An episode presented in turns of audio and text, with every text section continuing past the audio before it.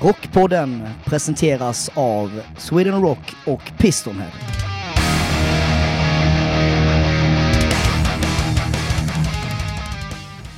ja, vet du en annan cool grej som jag har då? Kör. Det är Cliff Burtons allra sista autograf. Är det sant? Mm, det är sant. Har du den kvar? Den har jag kvar. Bra. Mm, det har jag. För att vi var där och styrde upp någon signering i Solnahallen när de var där. Och sen när alla hade gått så då ville de att vi skulle åka med dem till Göteborg, jag och min, mitt ex då. Och eh, nej, vi skulle inte det i alla fall. Och så skulle vi säga hej då.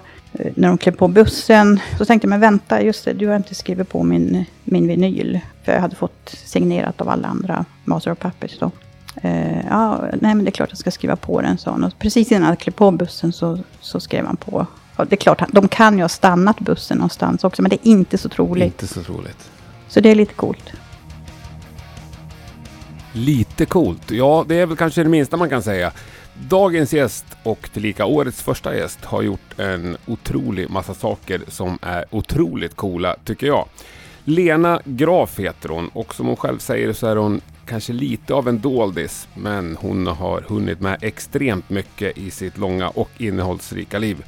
Varmt välkomna till Rockpoddens 14 säsong förresten. Känns eh, smått svindlande. Med på tåget den här säsongen är Sweden Rock och Pistonhead. Det känns eh, fantastiskt roligt. Jag vet inte om det kommer bli några större förändringar. Om det blir det så kommer det bli till det bättre för er som lyssnar, det törs jag lova. Nu kör vi igång. Du lyssnar på Rockpodden. Lena Graf är veckans gäst. Jag heter Henke Branneryd och jag önskar dig en god lyssning. Redo? Ja, det tror jag. jag men jag har ju ingen aning om vad du kommer att fråga för Nej, någonting. Så det är lite så här halvjobbigt. Jag minns ju inget. Vi får försöka minnas och så klipper jag bort alla långa tankepauser. Ja, ja. Eh, Vi får hjälpas åt. Okej. Lena Graf, varmt välkommen till Rockpodden. Tack så jättemycket. Första avsnittet någonsin jag spelade in på ett gym, tror jag. Eller tror, det vet jag att det är. Ja. Sitter i något så här härligt hotellgym i Göteborg. Ja. Din hemstad nu för tiden. ja, sen vad sa jag? Sju eller åtta år. Något sånt. Men du hade inte riktigt kommit in i stan. Nej, inte än. Det, ja, det tar lite tid. Men det kommer. Hur kom det sig att du flyttade hit? Eh, Det var dels lite privata skäl och så fick jag jobb på Border Musik. Okej, Så ja, spännande. Mm. Jag, jag tänkte vi skulle snacka om dig först och främst. Så du borde ju veta alla svar. Men eh, mycket om GMR. ja. Det är ditt livs värv. Eh, Ja, det kan man väl säga. Mm. Men det började ju ganska långt tidigare än så egentligen. Själva musikgrejen. Ja, precis. Jag Ja, hade lite företag innan GMR också. Ja. Hur kom du in på musikbanan från allra första början? Från allra första början, menar du när jag var typ bebis? Ja, det beror Eller? på när du började. Ja, jag började när jag var åtta. Ja. Så nästan bebis. Ja. Då började jag spela musik egentligen. Men jag insåg rätt snabbt att jag inte var så bra på det. Så att jag bytte sida. Jag började med tape trading. Ja. Och hade ett fanzine. Som hette Axe Attack. Axe Attack. Och det låter ju hårdrock redan. Ja, det var hårdrock. Redan där. Ja. Jag gjorde mina egna stories och recenserade plattor och kassetter och så vidare. Det var liksom skrivmaskin, tryckbokstäver och lite sånt. Jättekul. Underbart. Två nummer kom det i. Två nummer. Ja. Hur stor upplaga? Eh, 20 ex tror jag. Ja, men det är inte fy skam. Nej, inte helt Nej. fel. Nej. Men jag, jag hade rätt fina brevvänner också jag höll på med. Kirk Hammett bland annat. Är det sant? Ja. Så vi bytte kassetter. Shit Ja. vad coolt. Ja. Har du de grejerna kvar? ja, de ligger nog hemma i Dalarna någonstans bland lite råttskit och annat. Nog. Ja. Brev från Kirk Hammett måste Jag, jag kollade lite när jag var uppe där för några år sedan, men det, jag kunde inte kolla vidare. Det var så mycket rått skit på allting. Eh, Jag Tråkigt. tänker att du har ett Ja. visst, eh, du har ju stort affektionsvärde, men ett visst samlarvärde även ute i... Ja, ja, gud. Alltså alla de kassetterna jag hade, det var usch. Jag kastade ju bort två stora svarta säckar med väldigt värdefulla demotejper kan jag säga. Ja. När jag flyttade många, många år senare. Det var bedrövligt när jag tänker tillbaka på det. Ja, det är... Jag hade alla de fina kassetterna Ja. som man kan tänka sig.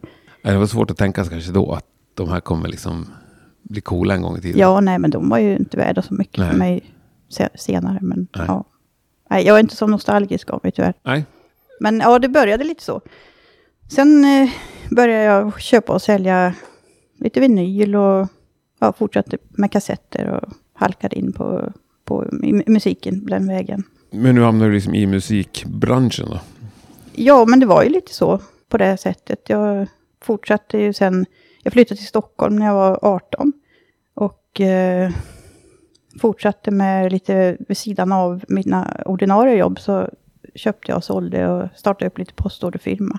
Som sålde plattor? Ja, som sålde plattor. Mm. Och eh, sen åkte jag rätt mycket till England och träffade en kille där som jobbade på Shades. Som sedermera flyttade till Sverige med mig. Och vi fortsatte med lite business. Och därifrån så växte det rätt snabbt. Kan jag säga. Vi startade en butik i Stockholm.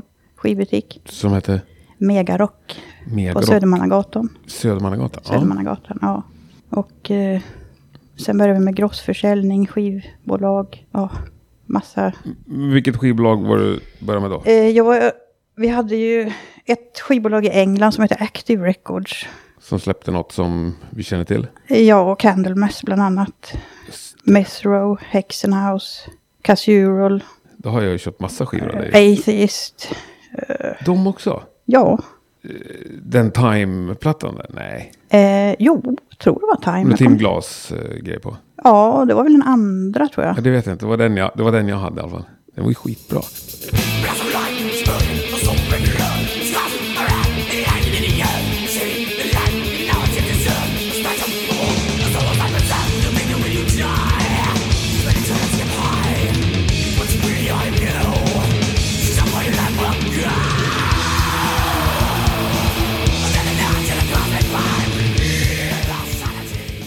Då har jag ju köpt svinmycket skivor av dig. Jaha, vad bra. Ja. Tack för det. Ja, Casserole och Mesro. Ja. Ja, absolut. Jo, jag bokade lite gigs också, kommer jag på nu. Det gjorde jag också samtidigt. Eh, Kolingsborg med Candlemass. Jag gjorde inte så många, men de jag gjorde kommer nog folk ihåg. För det hände alltid någonting spektakulärt på dem. Okej, så som en liksom, klubb på Kolingsborg. Ja, men du vet när eh, Messiah domdansade sönder golvet Ja. till exempel. Och när, sen bokade jag lite thrash metal-gig på Frysen. Det var ju med Exodus, Nuclear Assault och vad var det mer? Acid Rain. Då rasade trappan. Till exempel när folk skulle in för att det var försenat. Ja. Bra. Att, eh, Bra track record. ja, jag menar det. Det var Ja. lyckade gig. Ja.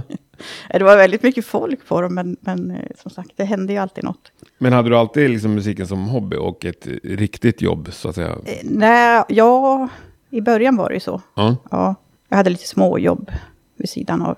Tills, tills eh, vi hade butiken då. Ja, just det. Då blev det heltid. Mm. Och, och skivbolagen. Och sen rasade det iväg en jäkla fart. När vi, fick, när vi startade grossistfirman också. Och på vilket sätt drev ni den? Vi Liksom? började exportera, eh, exportera svensk musik på grossförsäljning. All typ av musik eller fortfarande? Nej, all typ av musik. Ja. Men mycket rock såklart. Mm. Men, men det vart ju all typ av musik. Man ville ju helst sälja rock, men man fick ju anpassa sig lite. Vi Mm. vart ju väldigt stora ett tag. Och hade, jag tror vi hade 25 anställda. Och, Shit. ja, så det, Men dog det ut i samband med... nej, vi sålde företaget. Okej. Ja, så småningom. Och, eh, men jag, jag vill alltid driva skivbolag lite mer. Så att jag, jag slutade väl i grossföretaget kan man säga några år innan vi sålde det och drev GMR därifrån sen. Fast vi släppte ju väldigt mycket plattor på... ja, Jag vet inte varför, jag hade så otroligt många olika etiketter. Jag ville komplicera saker och ting. Mm. Så jag släppte många plattor under olika etiketter under Megarocks tid också. Det var ju, fan allt de hette, Extremity Records, Stars on the Rise, Vinyl Maniacs, massa vinyler vi licensierade. Det var ju lite tidigt med vinyl kan jag säga, för att det var typ i början på 2000 och det var innan liksom vinylen exploderade. Mm. Licensierade W.A.S.P, Sodom, Destruction, Opeth, Mayhem, massa sådana bra grejer. Halloween gjorde vi, kommer jag ihåg. Men det, är liksom, det sålde inget nästan. Det var skitsvårt att sälja dem då. Nu är de värda jättemycket, men jag fick nästan dumpa liksom hälften av lagret. Så tänkte jag, men fan, jag ger upp det här med vinyl. Istället- skulle man ju ha kört på kanske och licensierat. För då hade man möjlighet att licensiera hur mycket som helst. För det var ju liksom ingen annan som gjorde det nästan Nej. Vinyl. Men eh, nej, men vi, vi liksom, nej, vi fortsätter med CD då. Tyvärr, för att jag hade ju kunnat köpt upp så himla mycket katalog just då. Ja. Men man var liksom, ja, tio år före på något sätt med vinylen. Jag är tio år efter. Ja, Ja, det var ju tråkiga mellanrummet. ja så att, eh, men de vinylerna, jag har dem inte ens själv tyvärr. Men det är lite kul ändå för att jag har ju varit med på ganska många, den första plattan, eller den första CDn vi släppte på Mega Rock Records, det var It's Alive. Ja, med Max Martin. Precis. Ja. Han är ju ganska stor nu. Ja, det är han ju. Ja. Och han var vi management åt också, åt It's Alive. Han signade dem sen till BMG. Okej. Så ja, det var lite kul. Ja. Men så, blev det något för It's Alive? Hände det något? Nej, ja, så det hände ju lite. De gjorde en platta till sen eh, på BMG. Sen turnerade de lite i Schweiz, har jag för mig, av någon konstig anledning. Ja, sen hände det ju rätt mycket för Max Martin, Ja. kan man säga. Annars var det väl inte så många megaartister på megarock direkt, kan man tycka. Backyard Babies hade vi första plattan med. Okej. Mm. Och då sålde jag till MNV. Ja, då, du äger inga sådana rättigheter längre? Nej, jag ju... Nej. iväg liksom. Ja, precis. Man kände att man ville kanske ta band första steget och sen får de gå vidare till något större och de ska göra ett bättre jobb. Ja, du signade alltså dem från första början? Ja, säga. jag skickade in en demo och tänkte fan det här är... Men det var också lite så... Det var ingen som tyckte att de var sådär jättebra i början. Men jag tyckte de var svinbra. Det här låter som Guns N' Roses eller något. Men nej, det var ingen som nappade liksom direkt på den plattan. Var det när de hade flyttat upp till Stockholm? Eller? De bodde kvar i, i Nässjö då, på den tiden.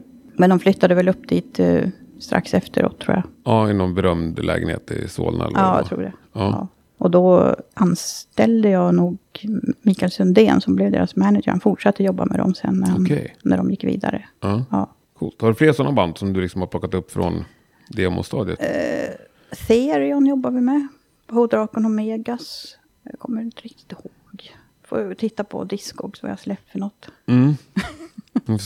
det är svårt där inte. Du, bara, du måste ju också ha koll på alla dina etiketter. Ah, det, ja, som sagt, jag vet inte varför jag rörde till det så mycket med så många olika etiketter. Jag kommer knappt ihåg allihopa själv. Nej, men någon Men eh, Ca-? Candlemass var ju väldigt kul att jobba med. De jobbar vi med. Jag körde ju runt om i Europa på några turnéer där i början med en minibuss. Du var chaufför också? Ja, ja. sålde tröjor och eh, körde minibussen. Det var lite kul. Fan vad roligt. Ja, och så skötte jag ju deras Candlemass Cult Disciples förstås. Ja, just det. Deras, eh, Deras fanclub. fanclub, ja Ja. herregud. Jag satt med där också med gnuggisar och skrivmaskin och skickade ut eh, sådana här nyhetsblad med vad som hade hänt hela tiden. Oj, oj, oj. Från lägenheten. Och då var det brev alltså? Ja, det var brev. Ja, ja, alltså gud frimärken och kuvert? Ja, och medlemskorten, det klippte jag ju ut liksom ark från sådana här A4-sidor och med skrivmaskin och gnuggisar. Det- Och vet du vad som var så roligt? När jag var på den här, den tröjan som du fick. Mm. Den här, Candlemass. Eh, ja, Mm. det här 25-årsjubileumsgigget. Då stod jag bredvid en kille där på konserten. Jag vet inte hur det kom sig, men vi började prata i alla fall. Och eh, då drog han upp sitt medlemskort, Candlemass Cult Disciples, medlem nummer ett. stort. Ja, det var, det var jättekul. Ja. och se. Jag har ju inte kvar någonting Nej. tyvärr från, från den tiden. Eh, nu tycker jag det är jättesorgligt att jag inte har det, för att det hade varit kul att ha. Bara se någon sån här medlemstidning som man gjorde eller något. Och, Du har inte ens kvar nej, Axe Attack? nej. Nej. Jag kommer ihåg exakt hur framsidan såg ut. Gul med någon... Ja. Men någon av de här 20 som köpte den kanske har kvar den? Så kan det vara. Ja. Mm. Den kostade 10 kronor. Det var ganska dyrt tycker jag på den tiden. Ja, det Faktiskt. Med tanke det. på att jag sålde eh, demo, eller vad säger livekassetter för 10 kronor styck också. Okej, alltså Så ty- bootleg. Ja, bootleg. Som du mycket. spelade in eller som du Nej, men jag från? kommer inte ihåg riktigt hur det kom sig. De här, men det var mycket på den tiden man bytte Ja. livekassetter Ja. från olika konserter runt om i världen. Men det var ju också mycket snack om att det var så jävla olagligt, liksom, att man kunde åka dit på ja, det, det där. tänkte inte jag på då i alla fall. Jag var ju bara 12 när jag började. Så. Ja, men det var, jag var väl också i den åldern, men då vet vi snackar mycket om just det där olagligheten och att liksom man fick Nej, smyga jag- med dem. Nej, jag Ja, kopierade det. massor. Ja, Bytte och sålde. ja. Då sålde jag sådana knappar också, badges för en krona styck, kommer jag ihåg. Det kan inte ha gått ihop sig, för jag vet att jag köpte dem för mer. Du köpte du färdiga eller producerade du dem? Nej, jag köpte färdiga. Ja. Jag måste ha köpt dem för mer än en krona, tänker jag. För det hittade jag nämligen ett blad nu, där jag hade gjort en lista på vad jag sålde, och då var det sådana knappar för en krona. Det, det måste vara en dålig affär. Ja, det låter så. Vad sålde du mer? Jag hade gjort någon sån här idolkort också. Någon slags... Ja, klistrade på bilder och så skrev jag vilka som var medlemmar. i banden. Okej. Alltså vi säger Sweet till Ja. exempel. Så klippte jag ur en bild på Sweet och så skrev jag på skrivmaskin, det här är medlemmarna. Det är underbart. Då sålde jag dem för fem kronor. Och du köpte folk? Ja. Men åkte du runt på gig liksom och sålde det här? Nej, jag bodde ju i en by liksom. Jag ja, så ju du sålde det på postorder? postorder, ja. Men hur Mm. visste folk att det fanns till salu så att säga? Jag kommer inte riktigt ihåg hur det gick till, men man hade ju mängder av brevvänner runt om i världen. Ja. Ja, Kirk Hammett bland annat. Ja. jag tror inte han köpte något Har du ingen mer du kan idolkort. namedroppa? Jag hade någon i W.A.S.P. också, men jag kommer inte ihåg vem det var. Nej. Jo, för jag hade... Han, Du måste ju Han- leta på de här gamla breven. han fick jag ju den här fyrspåriga demon av, kommer jag ihåg. Är det Den sant? W.A.S.P.-demon, ja. Den första de gjorde. För, för den recenserade jag i X-Attack, minns jag. Den hade jag fått av honom. Vad gav den för betyg? Det är jättebra. Kommer du ihåg vilka låtar som var? Eh, nej, jag minns faktiskt inte. Men det var demoversionen. Jag, de fyra låtarna finns ju med på första plattan i Ja. alla fall. Det minns jag. Och det var samma med Kirk. Då fick jag ju No Life till Leather av honom, den demon också. Och allt det har du slängt? Allt har jag slängt. Alla demotyper. Alltså, fan. Om vadå, du, du kan liksom ha brev från Chris Holmes hemma? Jag, ja, Rin. jag tror faktiskt att det var Chris Holmes. Jag vet att det inte var Black i alla fall. Ja. Det vet jag, för det hade jag kommit ihåg. Men ja, det var, nog, det var, andra, det var nog flera andra sådana Bay Area-band också, men jag, jag Ja. minns inte riktigt vilka. Men alltså, välkommen att gräva hemma hos mig i råttskiten. Ja, men kanske får ta en tur till Dalarna. det finns ju många som skulle ställa upp på det. Ja. Vet du en annan cool grej som jag har då? Kör. Det är Cliff Burtons allra sista autograf. Är det sant? Mm, det är sant. Har du den kvar? Den har jag kvar. Bra. Det har jag. För att vi var där och styrde upp någon signering i Solnahallen när de var där. Och sen när alla hade gått, så då ville de att vi skulle åka med dem till Göteborg, jag och min, mitt ex då. Och eh, nej, vi skulle inte det i alla fall. Och så skulle vi säga hej då. Eh, När de klev på bussen så tänkte jag, men vänta, just det, du har inte skrivit på min, min vinyl. För jag hade fått signerat av alla andra Master of Puppets då. Eh, ja, nej men det är klart jag ska skriva på den, sa han. Och precis innan jag klev på bussen så, så skrev han på. Ja, det är klart, de kan ju ha stannat bussen någonstans också, men det är inte så troligt. Inte så troligt. Så det är lite coolt. Det är coolt. Och, eh, men märkligt känsla att de där och följde med på bussen. Ja, men det är för att han, han kände ju dem rätt Jo, men jag menar med vad som, tanke ja, vad som tänker- hände sen. Ja, ja, ja. Ja, visst. Ja, absolut. När, hur lång tid tog det innan du fick reda på det? Ja, det, var, det kommer jag inte ihåg, men jag tror att det var nästa dag. Alltså när alla andra fick reda på det, Mm. stod ju i tidningarna. Ja, men den har jag fått... Den har jag blivit erbjuden rätt mycket pengar för i alla fall, men den kommer jag nog inte att sälja. Nej, Tror jag inte. någonting ska du spara på. Ja, precis. Den har jag inte kastat i alla fall. Nej. Nej. Ja, Vad coolt. Men hur, hur kom det sig att du kom in på den här hårdare musiken så pass tidigt? Jag har alltid lyssnat på hårdare musik. Jag tror att det kan bero på vår busschaufför. Eh, Mm, berätta. vi hade ganska långt till skolan då. Och eh, nej men han, vår busschaufför Bernt, han körde ju Creedence Clearwater rätt högt i bussen nästan varje dag. Helt underbart ju. Ja. Så att eh, jag tror man, man vart lite påverkad av det. Ja. det ja. Och eh, min bror spelade Backman Turner Overdrive för mig några gånger också. Det tyckte jag var svinbra. Ja. No, Not Fragile kommer jag ihåg. Ja. Men sen tyckte jag, jag kommer ihåg, för många andra lyssnade ju på lite softare musik, alltså typ, ja men ABBA och lite sånt här. Så ibland så jag satt jag liksom så här, nu går det inte att visa, men jag hade alltså typ bandspelaren väldigt tryckt upp mot örat för att ingen skulle höra och att jag lyssnade på lite tuffare musik. Okej. För det var lite pinsamt nästan ibland. Ja. Så. Men jag tänker ändå så här, ett barn i en liten, liten, liten by liksom i Dalarna. Det är ändå ett steg och sen börja tape-trada och liksom söka sig ut i världen. Ja, vi hade ju fyra och en halv mil till en affär typ. Ja. Där det fanns tidningar. Och, men det fanns ju poster och Kerrang. Kerrang var ju som en bibel för mig. Och varje vecka, liksom, jag, tror det var, jag kommer inte ihåg om det var onsdagar eller torsdagar, så kom det ut ett nytt nummer. Och det var ju liksom, jag, ja, jag måste få tag i det här, den här tidningen. Det var ju lite senare i tonåren, men Ja. det var ju poster från början. Men fanns den på... Det fanns på en På butik den här där. butiken? Ja, så det var ju liksom lycka. Ja. Och i, i Kerrang då så var det ju, där var det ju liksom annonser, adresser, Mm. personer som ville eh, byta kassetter och brevväxla och sådär. Och så, det var så det började för mig att brevväxla och tape-trada lite grann. lite tidigare kanske för att det fanns... Jag för mig att det var i poster också. Eller det var några andra tidningar med. Jag kommer inte ihåg vad de hette riktigt. Tiffany kanske eller något sånt. Jag minns inte faktiskt. Jag, jag kommer, det måste vara några svenska fanzines eller något också. Jag, jag kommer inte ihåg Nej. riktigt hur det kom sig. Men lite tidigare än Kerrang. Men i alla fall, och där i Kerrang också så fanns det ju annonser på butiker i England man ville till. Och det var ju Shades bland annat. Och det trodde Ja. man ju var någon slags mecka att ta sig till. Ja. Så det var ju ett mål man hade tidigt att komma dit till den affären. Och jag skrev ju lite för en engelsk tidning också som heter Metal Forces. Okej. Ja, vi hade ju förresten en svensk tidning också som hette Metal Zone ett tag. Ah. Som du drev alltså? Eller? Jag drev den inte, men Nej. jag var delaktig i den. Mm. Så det var... Ja, jag har gjort väldigt många saker egentligen. Alltså jag har varit delaktig i många olika delar av musikbranschen. Ja. I 40 år egentligen. Det är sjukt imponerande. Det är lite jobbigt att säga 40 år för det avslöjar ju lite hur gammal man är Att du är minst samtidigt. 45 i alla fall. Ja, precis. Ja. ja. Men Så- du är ju som, du har inte gett upp. Du kör på med oförtruten. Ja, jag har ju haft lite så här, nej nu ska jag lägga ner för att det är ju ganska, det är inte som det var förr om man säger så. Så jag har ju haft lite break och jobbat för andra företag också. Mm.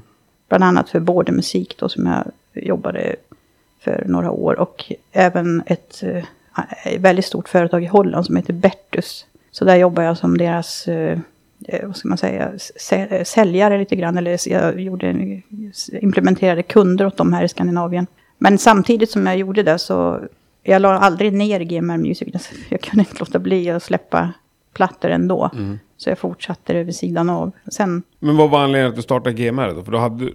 Ja, men det var ju lite för att jag tröttnade lite på inbland- involverad i, i Megarock-distribution. När det Mm. blev en renodlad distribution och grossistfirma. Och eh, det var lite för stort och det var precis som att, ja, det var inte kul längre. Det var för, för mycket, för stort. Så att jag ville hålla på med skivbolagsdelen. Och då, då slutade jag där och, och sålde och så fortsatte jag med, med skivbolag istället. Mm. Och då, därifrån kom GMR Music. Vilket var det första band du signade till GMR? Eh, jag har för mig att jag gjorde återutgåvor på Candlemass-plattorna. Eh, Epicus Nightfall och Tales of Creation, Chapter 6, Dactylus Glomerata för mig också. Jag kommer inte ihåg riktigt om det var den första, men det var bland de första i alla fall. Första band du signade då? Vet du det? Nej, jag kommer inte ihåg. Nej. Jo, Crucified Barbara kan vara bland de första också förresten. Ja. Det är så länge sedan, det är 20 år sedan, mer än 20 år Mm. jag, sedan. jag tänkte mer om du Ja. det här är som att någonting är så jävla bra så att det nästan inte var det som fick dig att Ja, starta nej, om på så, nytt. Liksom. nej, riktigt så var det inte. Utan Nej. det bara... Nej, det var blev. Mia från Crucified Barbara som sa att jag måste prata med dig. Ja. Det är många, många som har sagt det genom åren. Men det har aldrig blivit läge. Ja, nej, men jag är nog lite av en doldis sådär. Jag ja. är inte typen som gör så mycket väsen av mig egentligen. Nej, men det är väldigt många som talar oerhört gott om dig. Ja, men det är ju roligt att höra. Ja. Som uttrycker sig i termer om en av de få i musikbranschen som man kan lita på. Sånt där. Ja, men det hoppas jag. Jag försöker ju göra så gott jag kan, om man säger så. Att du skapar allt för mycket ovänner. Nej, jag tror inte jag har så många ovänner. Det är inte många artister som jag inte kommer överens med. Det finns väl någon enstaka, men Mm. de har jag skickat tillbaka skivorna till. Ja. De fick dem och... Ja, för artister är inte heller världens lättaste gäng att dela med liksom, alla gånger. Nej, det kan, kan ju vara så. En del... Mycket eh, ömtåliga egon och ta hänsyn till. Ja, det, en del är ju lite me, myself and I. Ja. Det finns väldigt många trevliga artister också såklart. Men eh, de är lite speciella, många. Mm. Ja, men vi tar Crucified Barbara som exempel. Det gick väl jävligt bra för dem. Ja, det, det gick Hade bra du för dem under alla år? Gick de dem. vidare Ja, eh, fram till eh, eh, In the Red har jag för mig att det var. Då var det så att jag tänkte ju lägga av. Så att eh, då fick det Spots ta över. Okej. Så eftersom jag tänkte minska lite på, på mitt skivbolag. Mm. Och det var ju samma veva som jag började jobba där på, på Bertus. Mm, nej men det, det var en jättekul resa. Det var så roligt och, och så... Jag kände det, jag såg Crucified Barbara första gången, jag tror det var på någon liten krog där i Vasastan. Jättespeciellt speciellt eh, band kände jag Mm. på en gång. Duktiga tjejer liksom. Svinbra var det. Ja, Mm. verkligen. Talangfulla och bra. Du gick in Bra och band. signade dem på plats i logen efteråt. Nästan. Nej, riktigt bra band. Verkligen. Nej, det var roligt. Men vad har du för band du jobbar med just nu då, idag? Idag? Eh, ja, Nu sitter du och kollar på min lista här. ja, precis. Med Fisto bland annat. Ja, så in i helvete bra tycker jag ni gör. Ja, vad Ja. kul.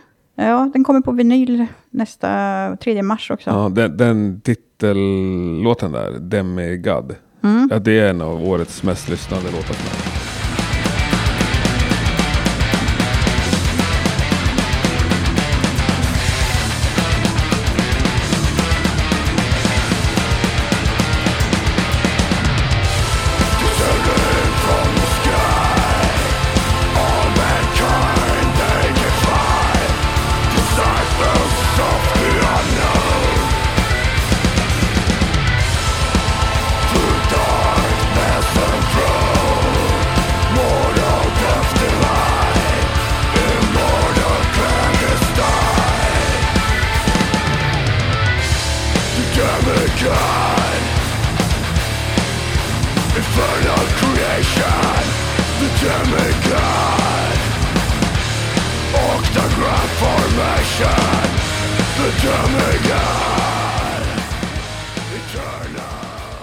Ja, men vad kul. Ja, jag tycker den är ja. helt fantastisk. ja, jättekul. Nej, jag tycker också den plattan är riktigt bra. Det är Mycket, mycket bättre, om man får säga det, än den förra. Mm.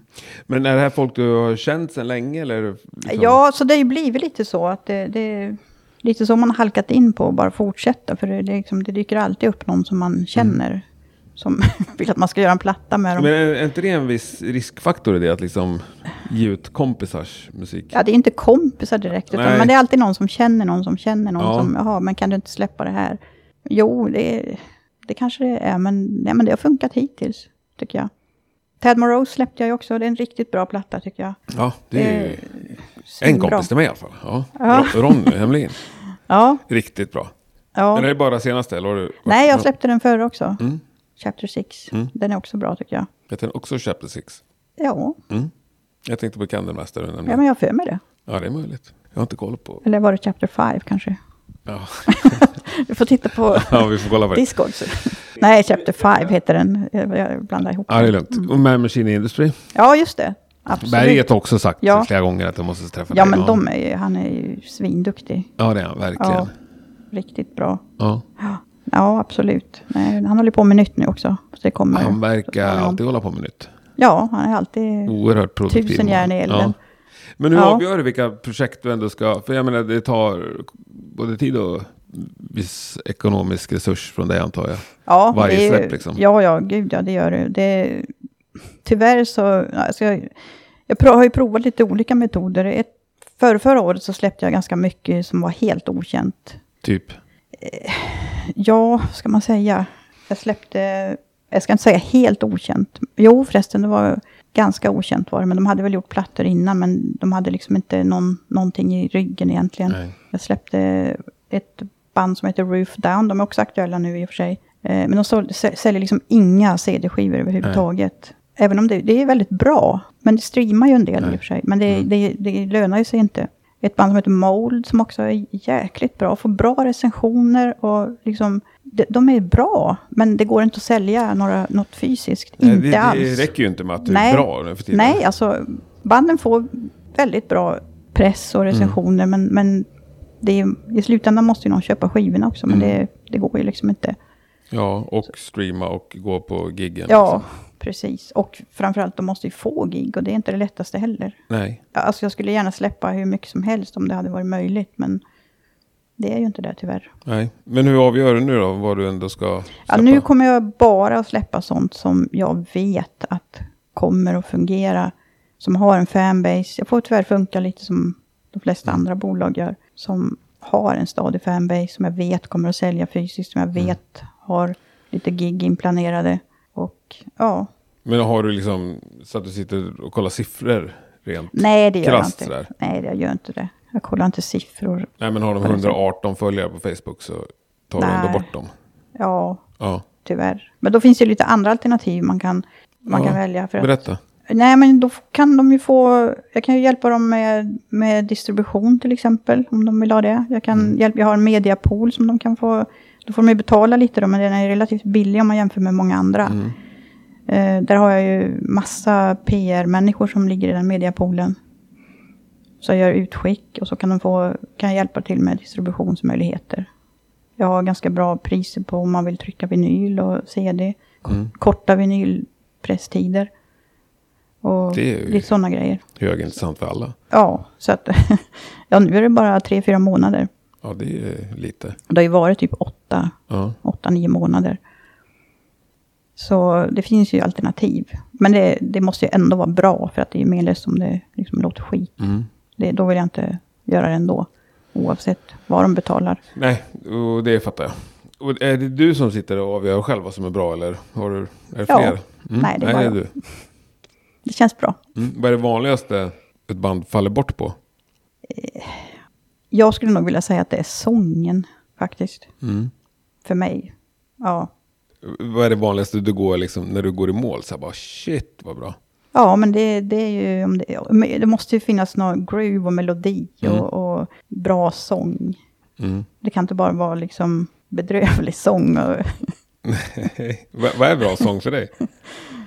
ja, man, kan, man kan hålla ton och låta, alltså ha, man hör en melodi. Alltså i och för sig om det är liksom en black och death metal så då kanske man, då, då kan jag inte kräva att det ska höras någon, någon Nej, Kanske men det finns ju väldigt som bra death metal-sångare och väldigt många dåliga. Ja, jo, Ja. precis. Det är inte bara att ställa sig och skrika liksom. Nej, jag vet inte om du lyssnar på Frantic Amber som jag också Ja, lite. Ja, Ja. vad tycker du om det?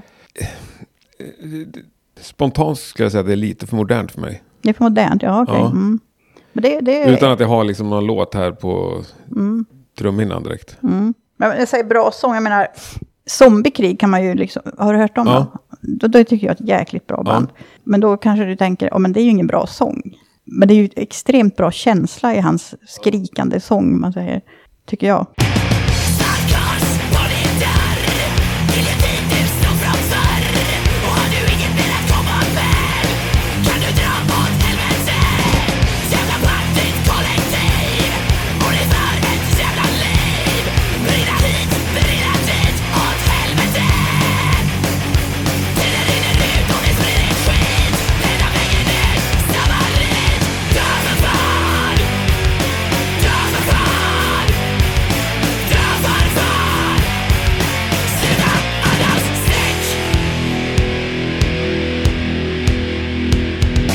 För du är inte rädd för liksom att det är extremt så att säga? Absolut inte. Nej. Nej. nej, det kan vara jätteextremt och ändå vara bra. Nej, nu kommer jag på något helt annat. Jag kom Ja, på en annan grej som jag har kastat. Ah, Jag hade, jag fick, vi fick när vi var på en av, var och köpte in skivor. Lane Staley, vi hade ju fått en dedikerad affisch från Alice in Chains. Okej. Den kastade jag också. Det är inte många som hade hans autograf på första Alice in Chains-skivan. Nej. Nej, det var inte skivan, det var en affisch. Ja. Som vi fick en liten så här, som jag hade dedikerat till mig själv. Dumt. Det var dumt. Ja, det Ja. var bara det. Flikade in Ja, en dum det grej att kasta. Du får gärna flika in fler Ja. sådana saker du Ja. har kastat. Folk kommer ju gråta. Ja, jag vet. Det gråt, Framförallt många, gråtprogram. många, jag får för mig att många äldre hårdrockare också är så jävla nostalgiska och spar på vartenda vet. plektrum Ja. och uh, setlistan de någonsin har kommit över liksom. Mm. Och har Ja. sådana här liksom, rum i källaren med whiskyflaskor och uh, ja, memorabilia. Ja, så kan det vara. Har du saker kvar att checka av på din bucket list? Jag har liksom ingen bucket list. Nej, men har du Nej. någonting kvar som du känner att det här vill jag ha gjort innan jag lägger ner? Nej, inte direkt. Nej, det tror jag inte. Det bara händer grejer liksom. Jag gör, gör det som det kommer. Mm. Jag tar det som det kommer liksom. Men du, är det- ja, du är inte inne på att du ofta faller på dålig sång. Men hur mycket lyssnar du liksom på efter hits? Tänker du hits? Nej, det gör jag faktiskt inte. Men när jag väl har bestämt mig för att släppa någonting, då börjar man ju lyssna. Finns det någon låt som är singel Mm. eller hit? Det är först då jag tänker så. Men det är klart, om, om det skulle vara så att man bara wow, det här låter ju som värsta hitten, då, då kanske man vill ta det bara för att det finns en låt som skulle vara... Men alltså, nej, men det har inte hänt hittills. Så. Det, Men det där med att välja singlar är också intressant tycker jag. Är du ofta överens med artisterna? Ja, fast jag, jag överlåter nästan alltid det till artisten. För jag tycker jag, jag är inte sån här som lägger mig i liksom Nej. allt för mycket. Ibland frågar de om råd och oftast är man överens om att ja, men det var det jag tyckte också. Ja, ja, då är det ju bra. Jag Ja. tänker annars ska man välja det där själv. Det är ofta folk som är mitt i processen och levt med låtarna i flera år liksom. Ja, men Mm. och så svårt att se på det utifrån. det brukar oftast vara så att man har samma åsikt, Ja. tycker jag. Det har väl hänt någon gång att jag säger, nej men jag tycker vi tar den här först. Istället för, och den här tar vi som tvåa. Till exempel om man gör två singlar. Så kan du i alla fall som bolag välja vilken Ja, du ska marknadsföra Ja. mest. Ja. Och sen låtordning kan jag lägga mig i ibland också. För Är det sant? ja, jag tycker att jag är jättebra på låtordningar. Ja. Fan vad skönt att ha den superkraften. Ja. Hur tänker du? Går det att förklara hur du tänker? Inte riktigt, jag bara känner att jag har ett bra flow när det gäller låtordning. Mm. Lyssnar du på skivor i låtordning också? Nej, inte nu för tiden blir det faktiskt inte så, men mera förr. Ja. Det känns ju som ofta bortkastad tid. Ja. Mm. Du avslöjade att du hade lyssnat på Rockpodden när Leif Edling var med. ja, Han, han hade ju otroliga huvudbryr om låtordning. när bolaget ville slänga med en extra låt. Ja, just det. Ja, ja, Bara men, den, ja liksom, just det. Ja, Ja. ja, nu för tiden kanske det är lite... eh, spelar ingen roll egentligen, Nej. men eftersom folk hoppar ju hej vilt på Spotify. ja och om de ens lyssnar på hela skivan. Liksom, ja, det, otroligt ser man ju på streams hur det bara går neråt liksom. Så, Ja, det- ja. precis. Låt ett. Ja. Sen blir det färre och färre och färre. Ja. ja, Även på jättestora skivor är det ju så. ja, ja, nej. Men, Men i ditt flow där, då tänker du inte på streams-grejen. nej, jag tänker ju liksom vinyl då. Mm. Jag tänker, men det här är, det är en perfekt öppningslåt för sidan två till Mm. exempel. Och det ska vara, ja, jag vet inte. Men den var ju alltid bra. Det vet jag minns från när jag var barn. Ja. Att jag tyckte alltid liksom första spåret på B-sidan var bäst. Ja. Och så här, hur fan kan det vara så? Ja, Nu tänker jag alltså när jag var åtta. mm. Jag vet inte, inbillas väl att kanske att ingen, de bara låg där i en ordning liksom. Och att det var bara jag som tyckte så här. Men det är såklart, det var någon som hade tänkt till. Och låt två också ska vara power. Det ska vara kraftfull. Gillar du intros på plattor? Ja, korta intro. Det ska inte vara liksom som man håller på att somna innan man, Nej. låten kommer igång. Men något kort intro, det funkar. Men du får ju, antar jag, mycket musik skickad till dig. Mm. Både på så Bandcamp och Dropbox-länkar. När du ser liksom intensiteten i låten. Du får upp som en graf. Ja, låten. just det. Mm. Och så ser man ju ibland att det här är 40 sekunders intro. Mm, Ja, Jag Nej. flyttar alltid fram tills låten Ja, börjar. jag med. Du också? Ja. ja, skönt att höra. alltid. Nej, Jag är ju typ emot intros. Nej, jag or- det orkar jag inte med. Nej, Nej, nej, nej. bra. Där hör ni Horndal. jag har hållit på att reta dem, för de har ju så intro på varje låt. Nej, nej, bara, nej. men 40 sekunder orkar man inte. Ja, ja, Ja. Nej, nej, nej. Nej, Nej. Det, det där vet jag inte vad de håller på med. Nej, live kan jag tycka det är jävligt mäktigt med ett intro. Kanske ett sånt fem sekunders någon gång mitt i setet liksom. Men, Ja, live är det, då är det lite spännande. Mm. Då ska det bara vara för, ett intro på första låten tycker jag. Sen får de ju inte ta någon mer intron, det orkar nej, man inte med. Nej.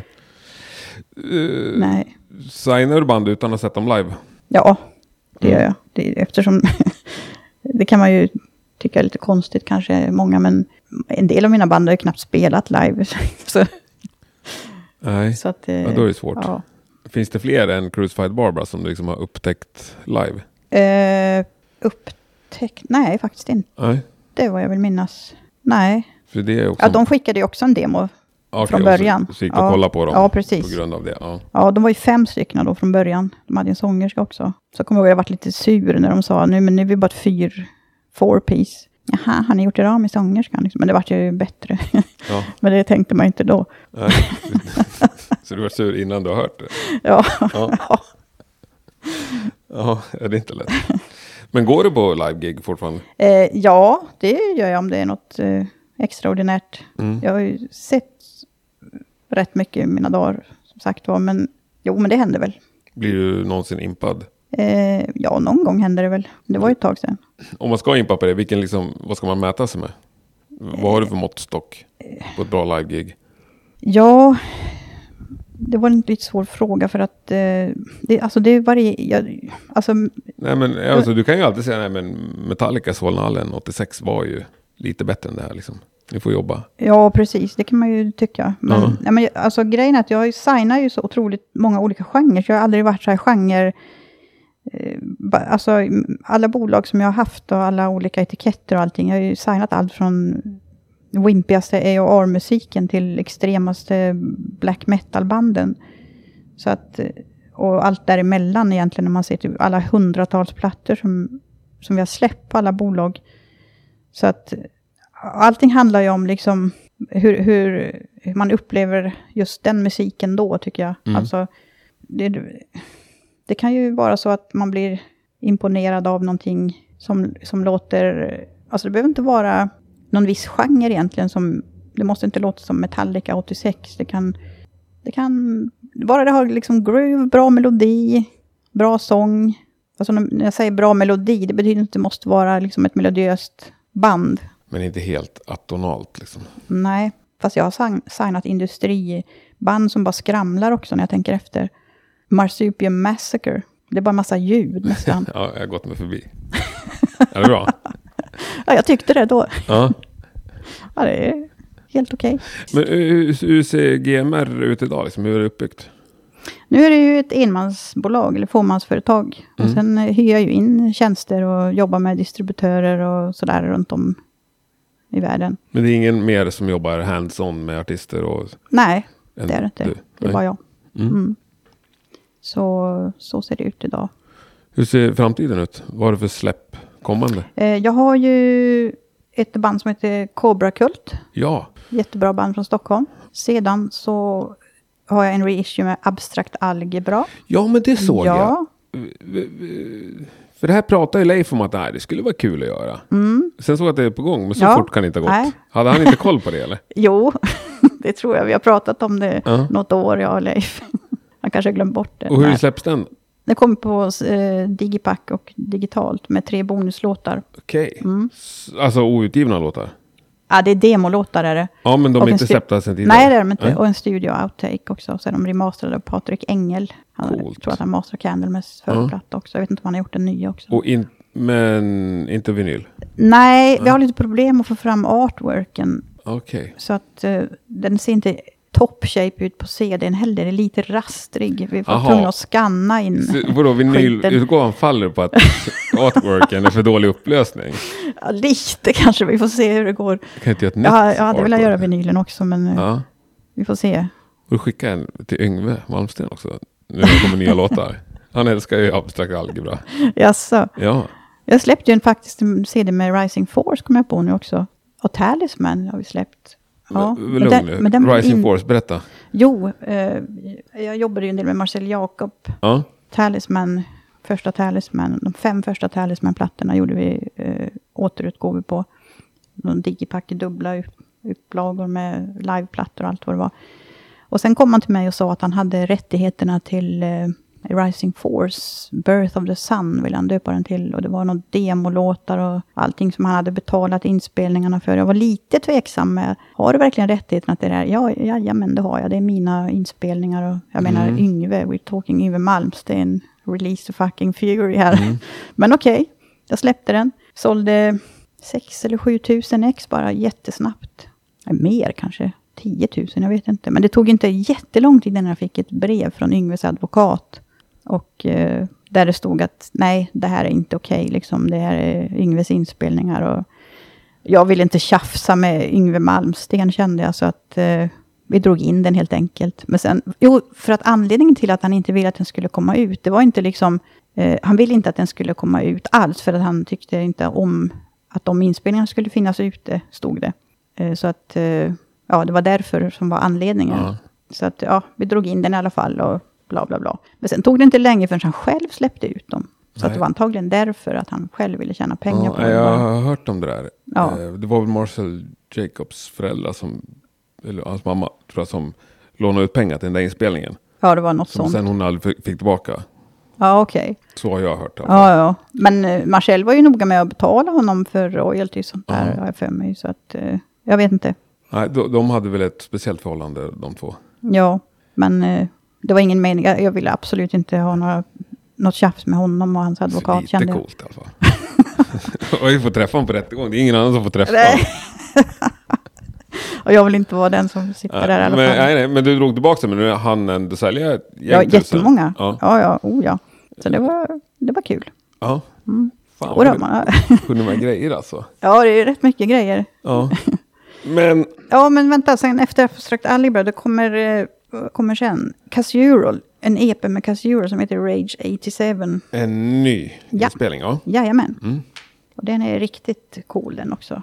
Snabbt går det. Bra. Ja, jag Fagersta äls- hardcore thrash. Jag, jag älskade dem när jag var barn.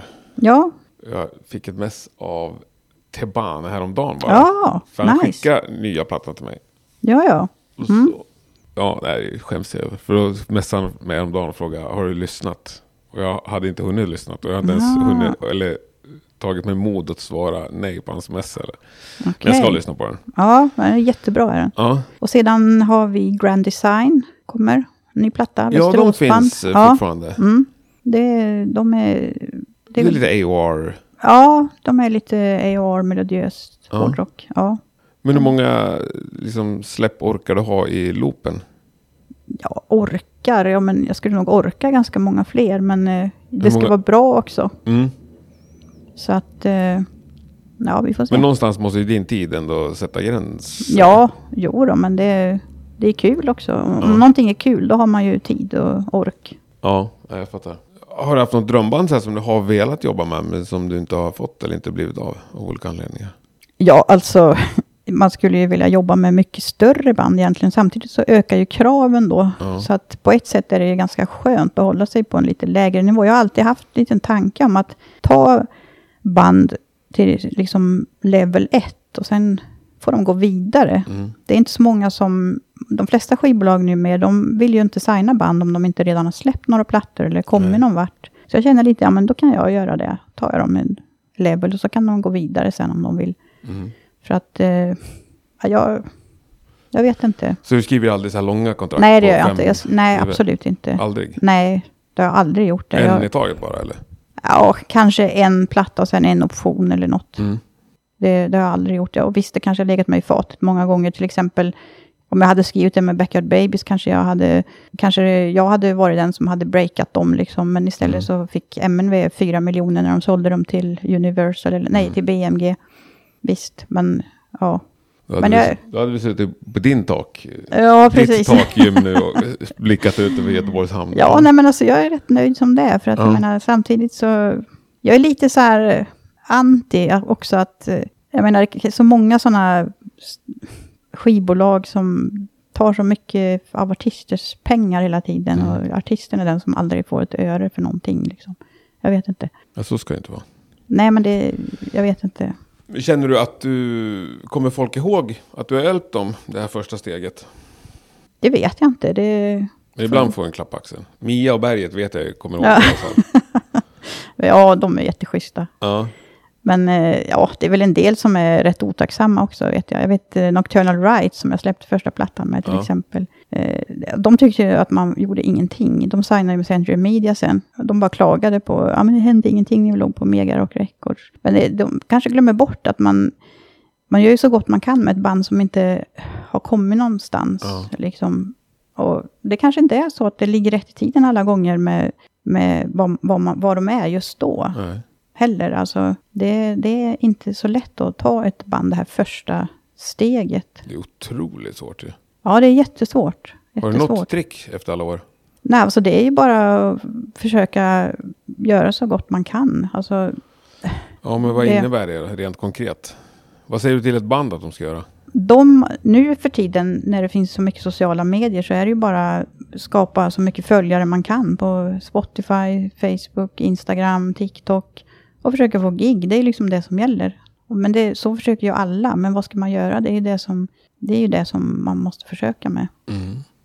Och efter pandemin så säger de PR-människor som jag jobbar med att det är mycket svårare att få press och promotion. För det är många som har liksom dragit in på, de har börjat jobba med annat och de är mer selektiva med, med vad de gör och vad de skriver om och så vidare. Så att jag vet inte, det, det är svårare. Mm. Och ännu svårare såklart att få spelningar. I och med att spelställen kanske lägger ner och folk är inte lika, går inte ut lika mycket på gig heller. Nej, det ska ju till publik också. Ja, Även om ställena finns.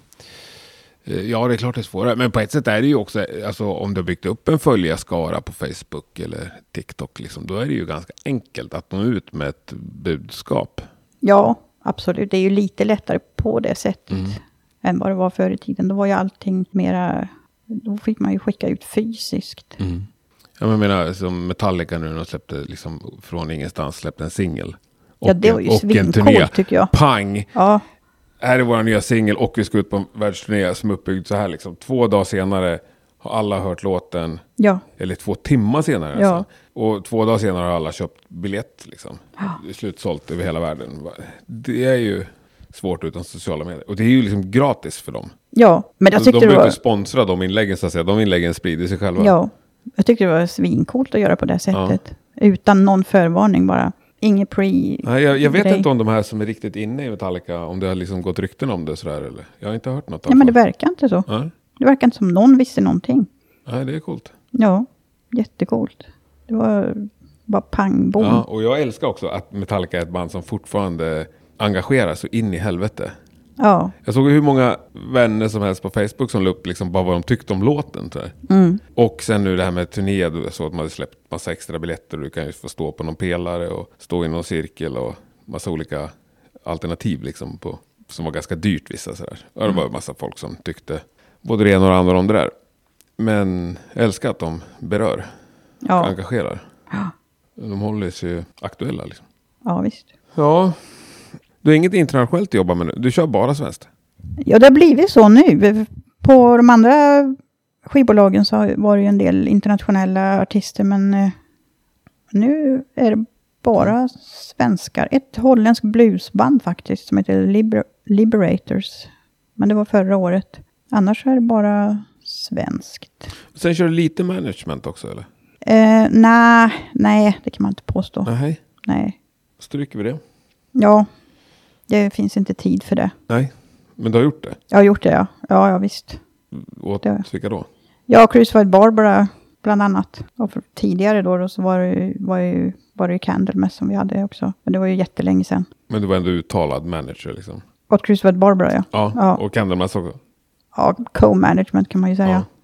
Så nej, det är väldigt mycket jobb med att, att vara heltidsmanagement. Mm. Det tar, det, det tar väldigt mycket tid. Kan jag tänka mig. Ja, bokning och sånt också har jag gjort en del, men det tar ännu mer tid. om möjligt. Ja. Så nej, nu får det vara bra som det är. Du gillar att släppa plattor. Ja, jag tycker det är jättekul när det föds en ny skiva. Mm. Lite bebis som kommer. Men du måste ju börja spara på dina bebisar nu. Ja, jag får göra det. Ett ex av varje.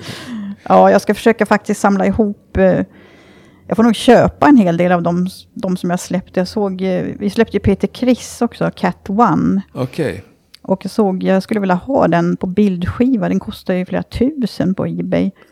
Det är ju hemskt om man ska behöva köpa sin egna skiva som man har släppt. för flera tusen. tusen dessutom. Ja, det är risigt. Ja, det, det är inget kul. Men det skulle vara roligt att ha ett ex av varje. ja. Och det är samma med Mayhem Death Crash. Släppte vi ja. på bildskiva.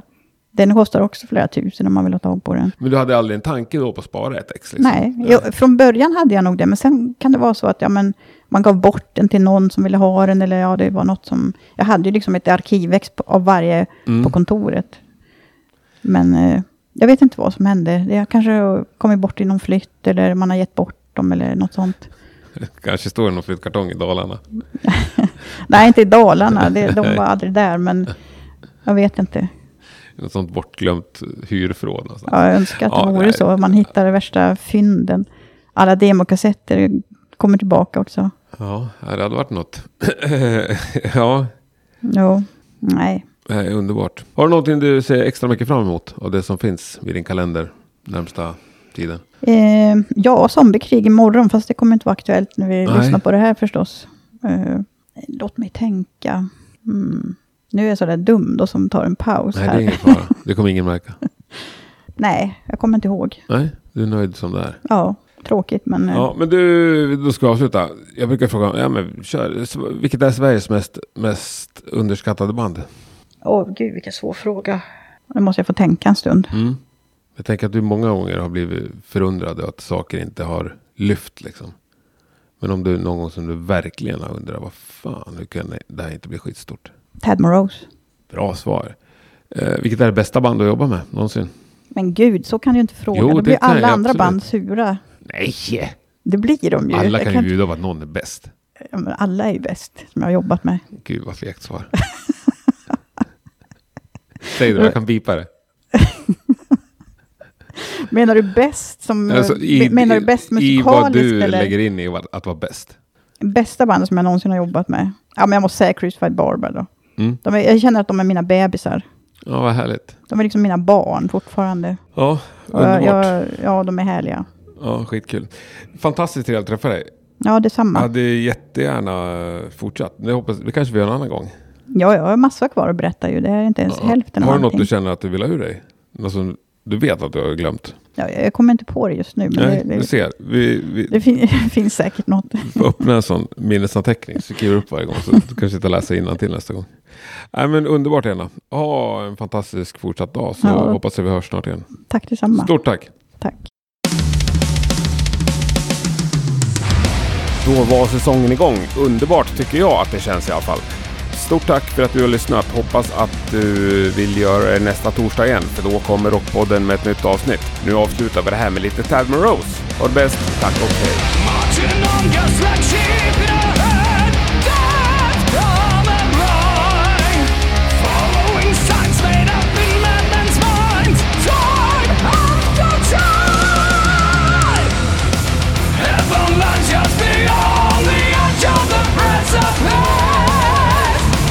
You just follow me.